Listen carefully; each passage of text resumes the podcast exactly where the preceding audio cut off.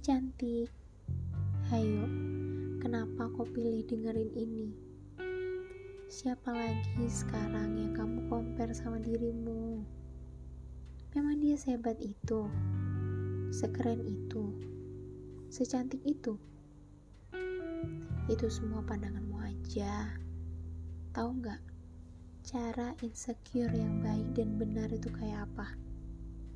Sini aku kasih tahu. Yang pertama, kamu harus ngaca Terus lihat deh, siapa yang ada di pantulan cermin itu. Rinta yang kuat atau rinta yang lemah. Kedua, bandingin. No, no, no. Aku gak nyuruh kamu bandingin sama orang yang di luar sana. Aku minta bandingin pantulan cermin itu dengan rinta yang hebat. Kurang apa dia? Kurang senyum? Kurang happy? atau kurang tidur?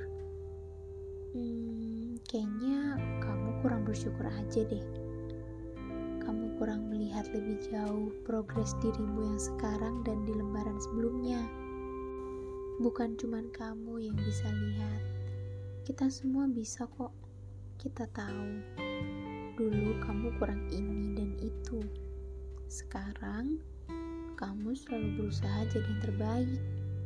Keren kan Rinta? Dan karena dia sekeren itu, dia jadi selalu cantik. Jangan insecure lagi untuk hal yang gak perlu ya. Jadi ini semuanya motivasi untuk lebih baik lagi. You are so beautiful in your